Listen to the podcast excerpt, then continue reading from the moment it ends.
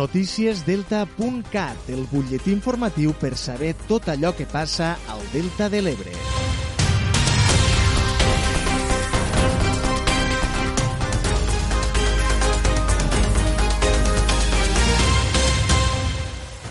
Hola, molt bon dia. Ens ocupem de l'actualitat de casa nostra. L'Ajuntament de Deltebre ha comprat l'edifici de l'antic cinema Rialto amb l'objectiu de reconvertir-lo en un teatre auditori.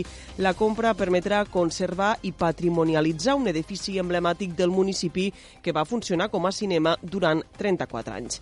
L'acord de compra de l'antic cinema Rialto, de 1.712 metres quadrats de superfície, es va segellar la setmana passada per la Junta de Govern local per un import al voltant dels 185.000 euros i en el ple celebrat este dimecres a la nit es va aprovar la plurianualitat del pagament que s'efectuarà entre 2022 i 2023.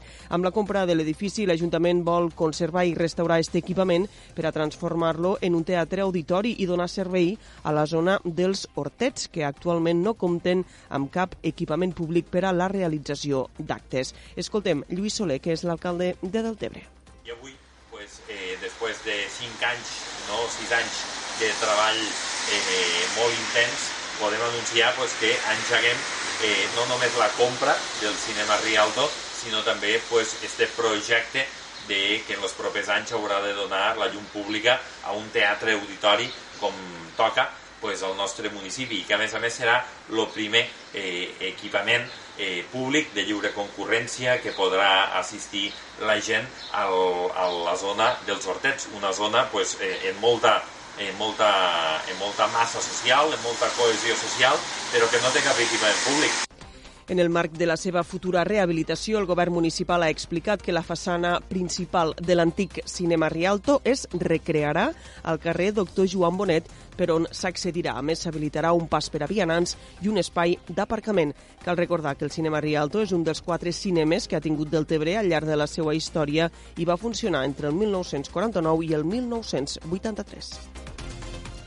D'altra banda, encara en el ple d'este dimecres a la nit de l'Ajuntament de Deltebre es va aprovar la licitació de les obres de canalització i bombament del préstamo. En este cas es tracta de les obres de la primera fase i primera etapa, la qual comprèn el tram entre la gasolinera Bonàrea i el Camp Nou. L'import de la licitació s'eleva als 2.446.000 euros.